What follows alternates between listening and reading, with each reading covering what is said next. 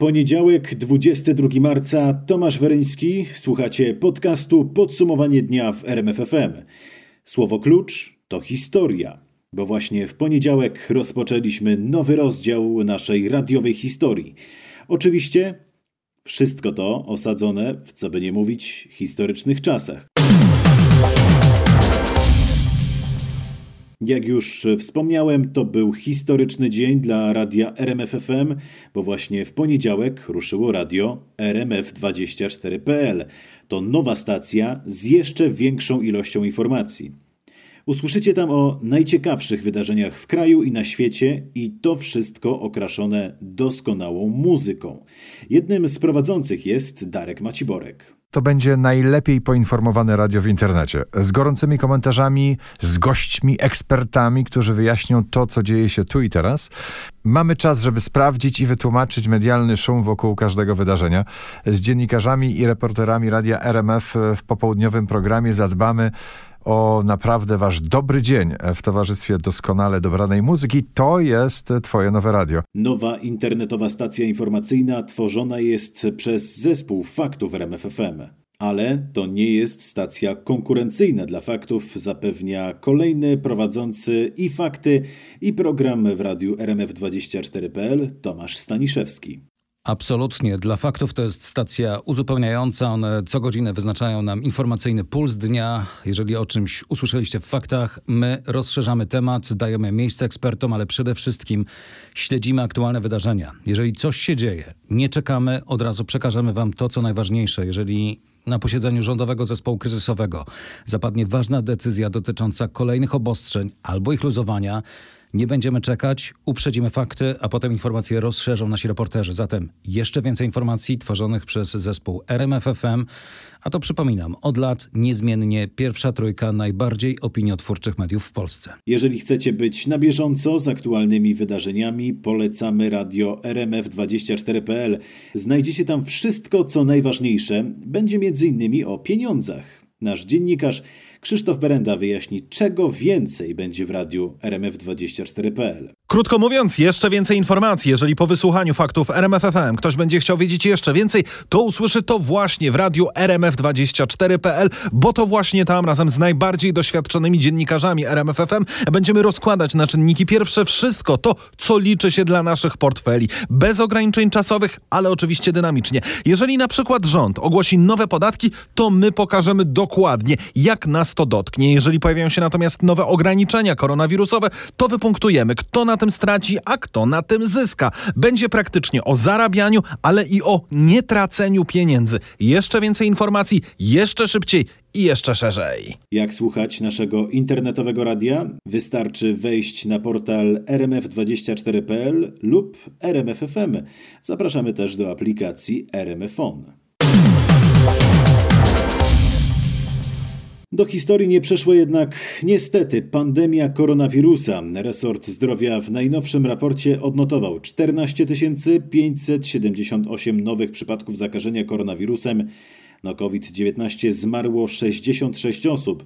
Prawie połowa ognisk zakażeń koronawirusem jest związana z zakładami pracy. Jak powiedział minister zdrowia Adam Niedzielski, tak wynika z najnowszego raportu Sanepidu. Miejsce pracy jest po prostu no, dominującym, jeśli można tak powiedzieć, miejscem e, w generowaniu nowych zakażeń. Dlatego e, zwracam się, myślę, nie tylko w swoim imieniu, ale imieniu również pana premiera, do tego, żeby tam, gdzie to możliwe, przechodzić na pracę zdalną.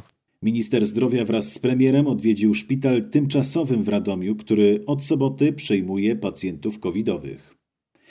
Ale są dobre wieści a propos szczepionek. Ponad pół miliona dawek preparatu koncernu Pfizer dotarło do Polski. To największa jak do tej pory jednorazowa dostawa zrealizowana od początku akcji szczepień. A jakich dostaw możemy spodziewać się jeszcze w najbliższych dniach? O tym nasz dziennikarz Mariusz Piekarski. Mm, dostawy AstraZeneca pod koniec tygodnia, ale to będzie zaledwie 70 tysięcy dawek, a rząd otwiera zapisy dla grupy wiekowej 60-64 lata i ta grupa ma właśnie dostawać szczepionkę AstraZeneca. Mm, ta dostawa ponad pół miliona dawek Pfizera, dokładnie to 507 tysięcy, to o 120 tysięcy więcej niż deklarował producent, więc Pfizer na koniec marca przyspiesza. To o tyle istotne, że od czwartku wznowione powinny być zapisy najstarszych seniorów z grupy 70+, plus, a oni mogą dostać albo preparat Pfizera, albo Moderny, ale dostawy tego ostatniego producenta są teraz mocno opóźnione i część osób już zapisanych, choć mieli dostać Modernę, dostają Pfizera, a ci po pierwszej dawce Moderny niestety mają przekładane terminy drugiej dawki. Warszawa, Mariusz Piekarski. Powoli wraca też zaufanie do szczepionki AstraZeneca, oświadczył szef kancelarii premiera Michał Dworczyk. Świadczy o tym liczba chętnych w wieku od 65 do 66 lat, którzy mogą się od poniedziałku zapisywać na poddanie preparatu. Od północy do teraz zarejestrowało się 345 tysięcy osób na e, szczepienie tym preparatem, ale to jest, proszę Państwa, dobry prognostyk, natomiast cały czas jest to wyraźnie mniej, jeśli chodzi o proporcje, niż wcześniej osób zapisywało się, rejestrowało się na szczepienia. Mówił Michał Dworczyk. Sytuacja w małopolskich szpitalach jest dramatyczna. Tylko przez dwa dni trafiło do nich 318 chorych na COVID-19. Najgorzej jest w Krakowie, informuje nasz reporter Marek Wiosło.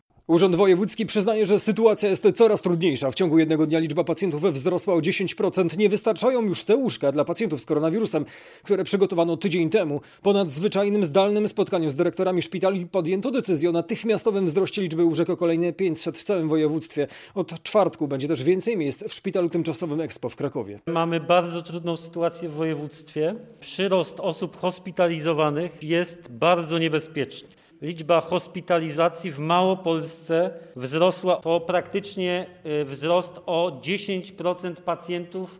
Szczególnie w Krakowie mamy do czynienia z natarciem fali koronawirusa. Praktycznie osiągamy rekordy takie, jakie notowaliśmy podczas mm, drugiej fali. Mówił wojewoda małopolski Łukasz Kmita. Dzieci z klas 1-3 od poniedziałku uczą się tylko zdalnie, a dyrektorzy szpitali obawiają się, że to powiększy i tak duże problemy kadrowe, bo lekarze i pielęgniarki zostaną w domu, by opiekować się dziećmi. Szkoły mają jednak obowiązek zająć się w takiej sytuacji dziećmi medyków, informuje Paweł Balinowski. Tak, zgodnie z prawem dyrektorzy szkół muszą zapewnić opiekę, by lekarze i pielęgniarki mogli pracować w szpitalach. Na razie jednak przypadków takiej opieki jest niewiele. Mamy jedno takie dziecko, mówi mi Danuta Kozakiewicz, dyrektor stołecznej podstawówki numer 103. Jest to przede wszystkim pomoc ze względu na nauczanie zdalne, czyli nie jest to nauczanie stacjonarne w szkole, tylko zdalne, ale pod opieką naszego nauczyciela. Mimo wszystko wiele szpitali alarmuje, że medycy biorą wolne, by zająć się dziećmi. Dlaczego? Wielu z nich może po prostu nie wiedzieć, że szkoły muszą przyjąć ich dzieci i przeważnie są na to gotowe. Dziś z Ksawerem zostaje tata, a jutro mama. Tak Dagmara i Paweł Obrębscy, rodzice z Łodzi, dzielą się opieką nad uczącym się z domu pierwszakiem. Obydwoje próbują tak ułożyć grafiki w pracy, by jedno z nich mogło być synem. Twierdzą, że dziecko nie radzi sobie sam ze zdalnymi lekcjami. Na początku dzieci są skupione. Z biegiem czasu trochę te skupienie ulega rozluźnieniu. Ksawery, czego uczycie się na matematyce? W figurach geometrycznych. Łatwiej jest teraz, czy kiedy macie lekcje w szkole? Łatwiej jest, jak mogliśmy widzieć panią w klasie. Oby nie trwało to za długo. Tak, jeszcze to będzie tydzień, dwa, tam przerwa świąteczna, wiadomo, to będzie do trzech tygodni. To jeszcze da się przeżyć. Dłużej wydaje mi się, że jest to kiepski pomysł. Z Ksawerem i jego tatą Pawłem rozmawiała Magdalena Greinert. Przed nami trudna końcówka marca. Tak dane na temat epidemii w Polsce komentuje w rozmowie z RMFFM wiceprezes Towarzystwa Epidemiologów i Lekarzy Chorób Zakaźnych profesor Krzysztof Tomasiewicz. Ostatniej doby w naszym kraju potwierdzono ponad 14,5 tysiąca nowych zakażeń COVID-19. Niepokojące informacje dotyczą szpitali. Od niedzieli pacjenci z koronawirusem wykorzystują ponad 1000 kolejnych łóżek i 61 następnych respiratorów. Przy takiej liczbie zakażeń no musimy sobie zdawać sprawę, że pewien odsetek tych ciężkich przebiegów e, COVID-19 będzie i to również dotyczy tych osób młodych, które się pojawiają. Jakie są teraz perspektywy na najbliższe tygodnie? Wydaje mi się, że najbliższe dwa tygodnie będą naprawdę trudne. Do świąt nie spodziewałbym się jakichkolwiek ruchów na korzyść. Z profesorem Krzysztofem Tomasiewiczem rozmawiał Michał Dobrołowicz. Aktualną mapę zakażeń i listę obostrzeń mamy na rbf24.pl. Rząd poprzez Trybunał Konstytucyjny może zablokować wypłatę odszkodowań za zamykanie i ograniczenie funkcjonowania całych branż w czasie pandemii. Jesteśmy postawieni w sytuacji Dawida przeciwko Goliatowi, tłumaczy w rozmowie z RMFFM jeden z prawników zajmujących się obostrzeniami i karami nakładanymi na firmy. A o jakie działania rządu chodzi, sprawdził to Grzegorz Kwolek. Chodzi o wniosek premiera do Trybunału, żeby ten zbadał, czy sądy mogą rozstrzygać zgodność z konstytucją rozporządzeń dotyczących obostrzeń. Do tej pory zajmował się tym tylko Trybunał, ale ostatnio podejście sądów się zmienia. Szczególnie biorąc pod uwagę wszystkie wątpliwości, które, które wokół e, tej instytucji e, w ostatnich latach zachodzą. Tłumaczy adwokat Mateusz Janion. Chodzi o zablokowanie odszkodowań, dodaje konstytucjonalista Marek Maj. Te wszystkie ograniczenia działalności gospodarczej na podstawie rozporządzenia, a nie ustawy są nielegalne. Rację przedsiębiorcom właśnie w tym zaskarżonym przez premiera trybie przyznał ostatnio Wojewódzki Sąd Administracyjny w Opolu. Szereg branż, w tym hotelarze, szykuje pozwy zbiorowe. Policja ostro wzięła się za egzekwowanie rządowych zakazów koronawirusowych. W ostatni weekend funkcjonariusze przeprowadzili 15 tysięcy kontroli, wystawili prawie 5 tysięcy mandatów i niemal tysiąc wniosków do sądu o ukaranie. Nasz dziennikarz Krzysztof Berenda wie, za co były te kary. Głównie za nienoszenie maseczki na twarzy, ale też za prowadzenie działalności gospodarczej wbrew zakazom. Chodzi na przykład o restauracje, e, które otwierają się wbrew rozporządzeniom, o siłownie, czy też o sklepy w galeriach handlowych. Policjanci razem z inspektorami sanepidu sprawdzają także, czy w sklepach, które mogą legalnie działać, pilnowane są limity wstępu, a i tutaj pojawiały się kary. Mm, przypomnę, że za brak maseczki policja może nałożyć mandat nawet w wysokości 1000 zł, a sanepid może wlepić karę sięgającą nawet i 30 tysięcy złotych. Tak jak informowaliśmy w zeszłym tygodniu, policja ma teraz działać w myśl zasady zero tolerancji, a to dlatego, że liczba zakażeń wciąż rośnie.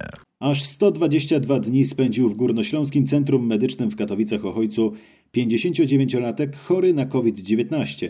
Przez ponad połowę tego czasu, a dokładnie 68 dni, był leczony przy pomocy ECMO, czyli urządzenia do pozaustrojowego natleniania krwi. Pacjent wyzdrowiał i wyszedł już ze szpitala. A szczegóły tej rekordowo długiej terapii ECMO zna nasza reporterka Anna Kropaczek. Czy to była jedyna szansa dla chorego? Tak, pan Dariusz miał niewydolne płuca, nerki i inne powikłania. Jego stan się pogarszał, respirator już nie wystarczał. Podłączono go do ECMO. Jak mówią lekarze z Ochojca, terapia ECMO w najcięższych infekcjach wirusem grypy trwa około 7-10 dni. W przypadku wirusa SARS-CoV-2 jest dłuższa. Płuca regenerują się przez 2-3 tygodnie. Jeśli nie ma poprawy, nieliczna grupa pacjentów kwalifikuje się do przeszczepu. W przypadku pana Dariusza prawie 10-tygodniowa terapia ECMO umożliwiła ostatecznie wydolne oddychanie. Szpital podkreśla, że to efekt ogromnej pracy wielodyscyplinarnego zespołu lekarzy, pielęgniarek i rehabilitantów. A teraz zaglądamy za granicę. Prezydent Emmanuel Macron w ogniu krytyki francuskich lekarzy. Większość epidemiologów oraz szefów szpitali oskarża przywódcę państwa o zbyt późne wprowadzenie lockdownu Paryża. Więcej na ten temat wie nasz korespondent Marek Gładysz. Wielu specjalistów alarmuje również, że lockdown wprowadzony kilka dni temu w Paryżu na francuskiej Rivierze i w północnej części kraju jest jednocześnie zbyt lekki, bo jedynie w bardzo niewielkim stopniu ograniczono możliwość przemieszczania się mieszkańców, a rządowe zalecenie, by nie spotykać się w domach ze znajomymi, nie ma żadnej mocy prawnej. Epidemiolodzy podkreślają, że liczba nowych przypadków zarażeń koronawirusem, czyli ponad 30 tysięcy dziennie oraz chorych przyjmowanych na oddziały intensywnej terapii jest we Francji największa od jesieni ubiegłego roku, a więc trzecia fala epidemii nabrała już rozpędu i trudno będzie ją zatrzymać. A w Rosji ponad 6 milionów osób otrzymało pierwszą dawkę szczepionki na koronawirusa. Wśród nich prawie 4,5 miliona otrzymało obie dawki, powiedział prezydent Władimir Putin. Dodał, że sam zaszczepi się we wtorek i podkreślił, że należy zwiększyć tempo szczepień w Rosji. Większość szczepień prowadzonych jest oczywiście preparatem Sputnik V. A w Wielkiej Brytanii wyraźne nie dla wstrzymania eksportu szczepionek. To reakcje brytyjskich mediów na plany Unii Europejskiej ograniczenia wysyłki produkowanych na kontynencie produktów do Wielkiej Brytanii. W najbliższy czwartek rozmawiać mają na ten temat przywódcy wspólnoty, a szczegóły ma dla Was nasz korespondent Bogdan Frymorgan. Dorośnijcie. Konserwatywne media nie przebierają w słowach. Taki zakaz, ich zdaniem, byłby żałosną próbą demonizowania Wielkiej Brytanii i odciągnięcia uwagi od kulejącego programu szczepień w Europie. Przypominają zarazem, że w tym kryzysie powinniśmy ze sobą współpracować, a nie rywalizować. Media liberalne zaznaczają, że ograniczenie eksportu produkowanej w Niemczech i Belgii szczepionki koncernu Pfizer może doprowadzić do dwumiesięcznego opóźnienia w programie szczepień na Wyspach, który dotychczas przebiega bardzo sprawnie Zemsta za Brexit? Takie sugestie także padają, choć nie są traktowane poważnie. Szczepionka firmy AstraZeneca w najbliższym czasie może zostać dopuszczona do użytku w Stanach Zjednoczonych. USA mają zmagazynowanych kilkadziesiąt milionów dawek tego preparatu, jednak oficjalnie nie zarejestrowano szczepionki w tym kraju. W poniedziałek jednak opublikowano wyniki badań preparatu na osobach z tej części świata i dopuszczenie jej do użytku to już tylko kwestia czasu. A jakie są wyniki? Sprawdził to nasz korespondent Paweł Żuchowski. Ogłoszono, że ma 79% skuteczności w zapobieganiu objawowej postaci koronawirusa i w 100% chroni przed ciężkim przebiegiem. Podkreślono, że 20% uczestników badania miało ponad 65 lat, a 60% cierpiało na schorzenia zwiększające ryzyko ciężkiego przebiegu COVID-19, takie jak choćby cukrzyca, choroby układu krążenia czy otyłość. Analizując wyniki badań nie stwierdzono zwiększonego ryzyka powstawania zakrzepów. Podczas prób klinicznych nie odnotowano też żadnego przypadku zakrzepicy. Afera szpiegowska w Bułgarii. Tamtejszy MSZ dał dwóm rosyjskim dyplomatom 72 godziny na opuszczenie kraju, wyjaśniając, że prowadzili oni działalność szpiegowską. Wcześniej prokuratura oskarżyła sześć osób, w tym byłych i obecnych oficerów wywiadu wojskowego, o sprzedawanie tajnych informacji dotyczących Bułgarii, NATO i Unii Europejskiej. Dwa myśliwce F-5E tajwańskich sił zbrojnych rozbiły się w trakcie rutynowych ćwiczeń, poinformowało Ministerstwo Obrony w Tajpej. Jednego pilota nie udało się uratować, drugi jest nadal poszukiwany. Myśliwce odbywały ćwiczenia w bazie wojskowej w powiecie Taidong. Jak informują media, samoloty rozbiły się nad morzem po 36 minutach od startu. Władze podejrzewają, że mogło dojść do kolizji. Na akcję ratunkową zostały wysłane śmigłowce i statki poszukiwawcze, a wszystkie samoloty typu F-5E zostały uziemione do czasu wyjaśnienia przyczyn wypadku. Wracamy do kraju. Trzy osoby zostały zatrzymane w związku ze zbrodnią, do której doszło w Opolu. W niedzielę w jednym z mieszkań wybuchł pożar. Na ciele dwóch ofiar odkryto ślady, które sugerują popełnienie zbrodni. Śledztwo w tej sprawie rozpoczęła prokuratura, a nasz reporter Marcin Buczek sprawdził, kim są zatrzymani. To obcokrajowcy, którzy mieszkają w Opolu. Na razie śledczy nie ujawniają, czy ofiary, policja cały czas ustala ich tożsamość i zatrzymali i znali się. Zanim ta trójka została zatrzymana, policjanci między innymi przesłuchali pierwszych świadków i przeanalizowali zapisy z monitoringu. W mieszkaniu znaleziono ciała dwóch mężczyzn. Jeden miał rany kłute, długi, tłuczone, głównie głowy i klatki piersiowej. Jak usłyszałem w prokuraturze w Opolu, pożar mieszkania najpewniej wzniecono dla zatarcia śladów, bo źródła ognia były tam w kilku różnych miejscach. Na razie nie wiadomo, czy w tej sprawie stawiane mogą być zarzuty zabójstwa, czy też pobicia ze skutkiem śmiertelnym. Specjalny zespół, który stworzy nowe procedury postępowania z dowodami z policyjnych śledztw, powołał komendant główny. To reakcja na ujawnione w RMFFM niedobory pieniędzy w policyjnych depozytach CBŚP w Olsztynie oraz Kaliszu. W olsztyńskim zarządzie nie można się doliczyć ponad 100 tysięcy euro, a w kaliskim 20 tysięcy złotych. Kto wszedł w skład tego zespołu? O tym Krzysztof Zasada. Przedstawiciele Biura Kryminalnego Komendy Głównej, Biura Kontroli, Biura Spraw Wewnętrznych oraz Centralnego Biura Śledczego Policji. Eksperci mają ustalić, jak zabezpieczać dowody, a przede wszystkim jak przeliczać gotówkę znalezioną na miejscach przestępstw, by potem nie okazywało się, że w policyjnej kasie jest manko. Jak się dowiedziałem, główne zalecenie ma być takie, by te czynności od początku do końca rejestrować na kamerach. Z informacji, które uzyskałem wynika, że zespół ma się też przyjrzeć ujawnionym przypadkom manka i ustalić, z czego wynikają różnice w zapisach protokołów i faktycznych kwotach. Do tej pory CBŚP stoi na stanowisku, że nie ma mowy o kradzieży gotówki, a doszło do błędów pisarskich albo rachunkowych. Prokuratura Regionalna w Szczecinie chce uchylenia immunitetu marszałkowi Senatu.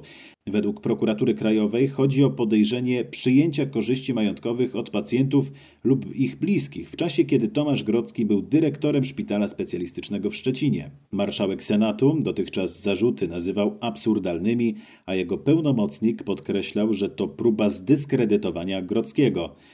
Co zamierzają śledczy? O tym nasz dziennikarz Patryk Michalski. Zamierzają postawić Tomaszowi Grodzkiemu cztery zarzuty przyjęcia korzyści majątkowych w 2006, 2009 i 2012 roku. W komunikacie czytamy, że zaleń śledztwa wynika, że chodzi o kwoty w wysokości od 1500 do 7000 zł. Według prokuratury w zamian Tomasz Grodzki miał zobowiązać się do osobistego przeprowadzenia operacji lub ich szybkiego wykonania i zapewnienia dobrej opieki lekarskiej. Śledczy przesłuchali 15 świadków. Tomasz Grodzki wielokrotnie podkreślał, że nigdy nie domagał się od pacjentów pieniędzy. Pozwał osoby, które publicznie zarzucały mu przyjęcie łapówek. Twierdził też, że śledczy działają na polityczne zamówienie. A wniosek o uchylenie immunitetu marszałkowi Senatu to próba przykrycia afery z udziałem Daniela Obajtka, twierdzi z kolei pełnomocnik Tomasza Grodzkiego. Lewica żąda wpływu na kształt Krajowego Planu Odbudowy w zamian za poparcie go w parlamencie. Plan ma być podstawą do uzyskania 60 miliardów euro z Europejskiego Funduszu Odbudowy. Lider Nowej Lewicy, Włodzimierz Czarzasty, w porannej rozmowie w RMFFM wyjaśniał, że wbrew informacjom jednej ze stacji telewizyjnych nie deklarował wcale poparcia dla rządowego planu. Nie mówiłem o bezdyskusyjnym i bezwarunkowym poparciu. Ja mam, wie pan, taką filozofię i powiem konkretnie, bo pan lubi konkrety. Krajowy Plan Odbudowy w takim kształcie nie, Europejski Fundusz Odbudowy tak. A jeśli chcesz wiedzieć, jak Włodzimierz Czarzasty odpowiedział na epitet błazen, którym obdarzył go Leszek Miller, koniecznie posłuchajcie całej rozmowy Roberta Mazurka z Włodzimierzem Czarzastym na rmf24.pl. Motorniczy tramwaju, który w 2019 roku miał w Gdańsku kolizję z limuzyną Służby Ochrony Państwa, jest niewinny. Mężczyzna nie stworzył zagrożenia w ruchu i nie przyczynił się do kolizji. Wyrok w tej sprawie wydał Sąd Rejonowy Gdańsk Południe, a jak uzasadnił swoją decyzję, szczegóły zna Kuba Kaługa. Brakiem dowodów przede wszystkim. Jak podkreślała sędzia Małgorzata Kaczorowska, nic ze zgromadzonych w sprawie materiałów nie wskazywało na winę motorniczego. Sędzia nie zgodziła się ze zdaniem biegłego, który choć jako winnego wskazał kierowcę SOP, to uznał, że także motorniczy zachował się nieostrożnie. Sąd jednoznacznie wskazał, że za kolizję odpowiada wyłącznie funkcjonariusz Służby Ochrony Państwa. Czekałem na to prawie dwa lata. Pan od początku mówił, że jest pan niewinny. Tak, tylko bardzo dużo ludzi mi nie wierzyło. Mówił mi zaraz po wyjściu z sądu pan Patryk, motorniczy. Przypomnę, zarzut, który gdańska policja mu przedstawiła, dotyczył stworzenia zagrożenia w ruchu. W zarzucie wprost było napisane, że tramwaj uderzył w cofający na skrzyżowaniu pojazd marki BMW, czyli rządową limuzynę. Licealiści z Węgorzewa pisali w poniedziałek próbne testy maturalne z języka polskiego, a zadania jednak nie sprawiły im większych trudności. Temat moim zdaniem był e, w miarę łatwy, był o wierzeniach, obrzędach religijnych. Ja wybrałam właśnie ten pierwszy. Wplątała w to chłopów i dziady, e, a akurat dobrze, wydaje mi się, znam te lektury, więc temat wydawał mi się naprawdę przyjemny i chciałabym taki temat na prawdziwej maturze. Czytanie ze zrozumieniem, myślę, że większość też była w miarę prosta, ale było kilka zadań, nad którymi musiałam się trochę dłużej pochylić. Teksty drukuje Dziennik Gazeta Prawna, we wtorek matematyka, a w środę język polski. Życzymy oczywiście powodzenia. Tylko część nauczycieli próbuje promować aktywność fizyczną i kontroluje, jak to jest realizowane, mówi profesor Akademii Wychowania Fizycznego w Krakowie Joanna Basiaga-Pasternak, psycholog sportu. Problemów, które pojawią się u młodzieży, która ma za mało ruchu, jest bardzo dużo kiedy podejmujemy aktywność fizyczną, wydzielają się endorfiny, no i jesteśmy choćby bardziej szczęśliwi, tak? czyli, czyli w momencie, kiedy ta aktywność jest ograniczona do minimum, no, ludzie są smutniejsi i rzeczywiście obserwuje się problemy natury psychologicznej, obserwuje się u niektórych osób przewlekłe zmęczenie, problemy z, ze snem, e, obniżenie nastroju, czy nawet, e, co zauważają e, pracujący w gabinetach psychoterapeutycznych psychologowie czy, czy lekarze psychiatrzy, nawet pojawiają się depresje. A jak temu zapobiec? Słuchajcie całej rozmowy na rmf24.pl. Czy Paulo Sousa odmieni styl reprezentacji? W poniedziałek ruszyło zgrupowanie kadry przed trzema meczami eliminacji Mistrzostw Świata.